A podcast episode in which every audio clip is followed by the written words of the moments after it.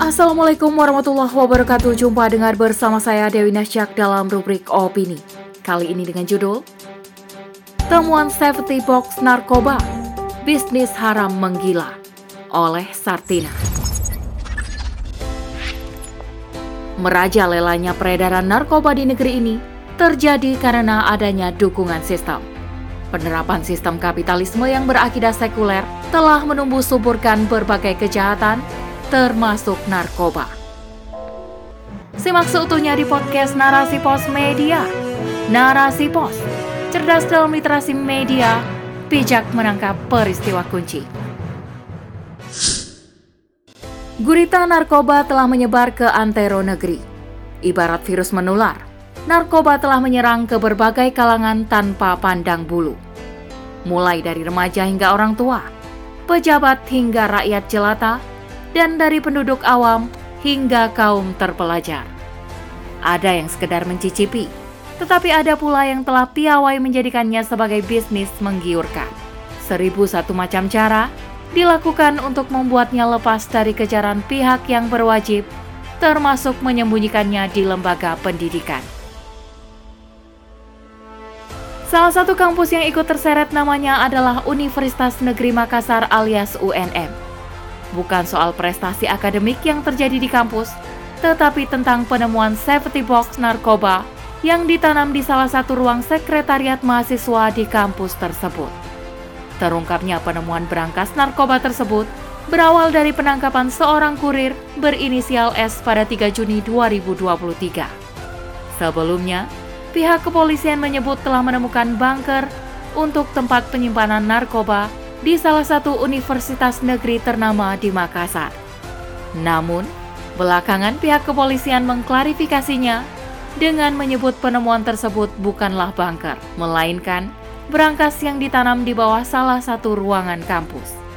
Berdasarkan hasil penyelidikan, polisi berhasil mengamankan lima orang tersangka dan sejumlah barang bukti, di antaranya sabu seberat 4,7 gram, ekstasi 2,45 gram, dan lintingan daun ganja 3,1 gram. Pihak kepolisian menyebut penemuan narkoba di kampus UNM merupakan bagian dari jaringan peredaran narkoba lapas. Bahkan, jaringan tersebut dinilai sangat profesional dan terstruktur dengan ditemukannya buku catatan penjualan narkoba di brankas tersebut. Lantas, seberapa luas sebenarnya jaringan narkoba yang menyebar di Indonesia? Apa pula penyebab utama maraknya peredaran narkoba di negeri ini? Adakah solusi mendasar untuk menumpas peredarannya? Sudah menjadi rahasia umum jika Indonesia beberapa kali bertransformasi dalam hal peredaran narkoba. Pada awalnya, Indonesia hanya menjadi tempat transit perdagangan narkoba karena letak wilayahnya yang strategis. Lambat laun, negara ini menjadi incaran empuk para penjahat narkoba untuk mengedarkan barang haramnya. Namun, kini Indonesia tak hanya menjadi tempat peredaran narkoba, tetapi sudah menjadi tempat untuk menghasilkan narkoba. Hal ini dapat disaksikan dari ditemukannya laboratorium narkoba di beberapa wilayah Indonesia. Salah satunya terdapat di Provinsi Kepulauan Riau, yakni Clandestine Lab alias pabrik gelap yang digunakan untuk membuat narkotika jenis sabu. Bahkan, tak hanya menjadi pasar bagi jaringan nasional, negeri ini juga menjadi incaran jaringan narkoba internasional. Hal ini dapat dilihat dari temuan Badan Narkotika Nasional alias BNN yang disebut berhasil mengungkap 49 jaringan narkoba pada tahun 2022. Dari jumlah tersebut, BNN berhasil mengungkap 23 jaringan internasional dan 26 jaringan nasional. Tak hanya jaringannya yang makin banyak, jumlah kasusnya pun terbilang mencengangkan. Pada 2022 saja, BNN melaporkan 851 kasus penyalahgunaan narkoba dengan jumlah tersangka 1.350 orang.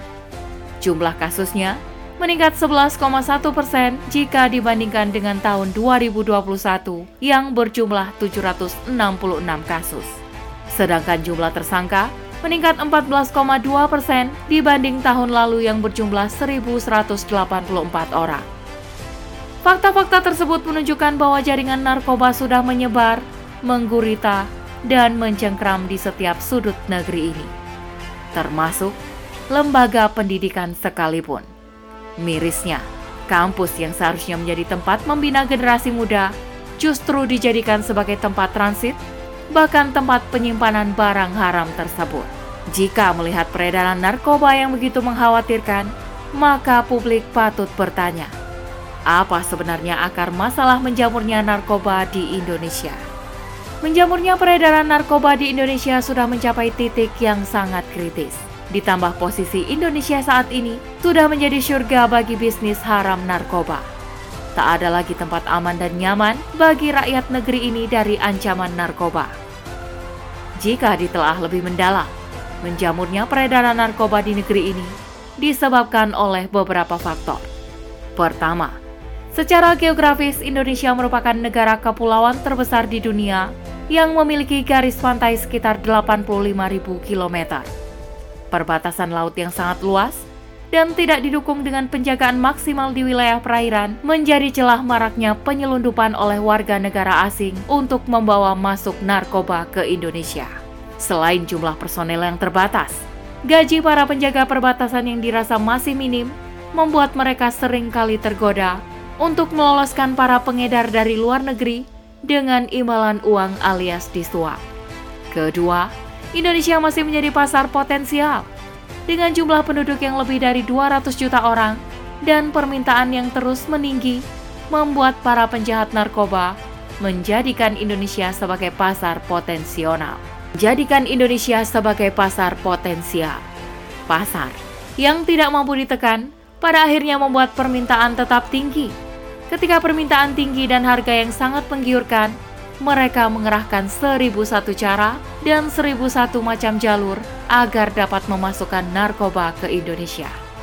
Ketiga, dukungan kecanggihan teknologi komunikasi dan transportasi membuat bisnis narkoba lebih mudah dilakukan.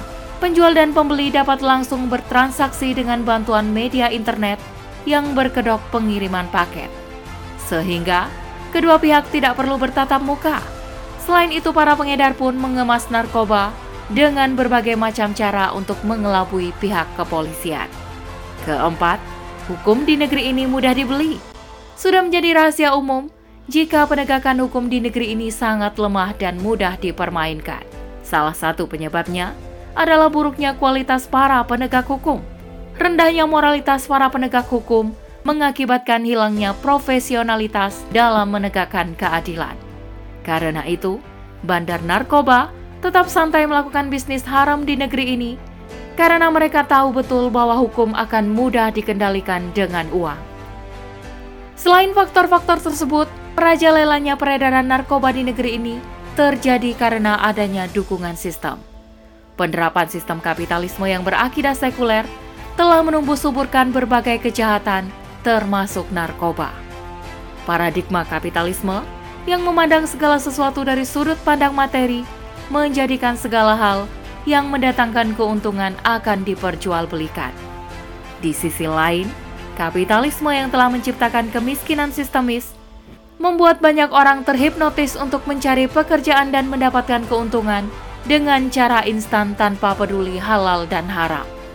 Ditambah lagi, dengan disingkirkannya aturan Tuhan dalam mengatur aktivitas manusia, menjadikan para pelaku tak lagi takut akan dosa. Tanpa rambu-rambu agama, masyarakat semakin hedonis. Mereka lebih takut perut yang kelaparan ketimbang ancaman dosa. Walhasil, selama kapitalisme masih dijadikan sandaran, kejahatan narkoba akan tetap menggurita. Kapitalisme dan Islam bagai langit dan bumi yang tak bisa disatukan jika kapitalisme memberikan ruang selebar-lebarnya pada manusia untuk berperilaku dan berpendapat, berbeda halnya dengan Islam. Tidak ada kebebasan mutlak dalam Islam, karena segala sesuatunya dibatasi oleh syariat. Pun demikian, saat melakukan aktivitas perdagangan, Islam melarang memperjualbelikan sesuatu yang diharamkan, meskipun menghasilkan keuntungan yang melimpah. Dalam Islam, narkoba dikategorikan sebagai barang haram dan mengandung banyak keburukan. Para ulama pun sepakat tentang keharaman narkoba meski terdapat sedikit perbedaan dari penggalian hukumnya. Sebagian ulama mengharamkan karena mengiaskannya dengan keharaman khamar yang merujuk pada Al-Quran Surah Al-Maidah ayat 90.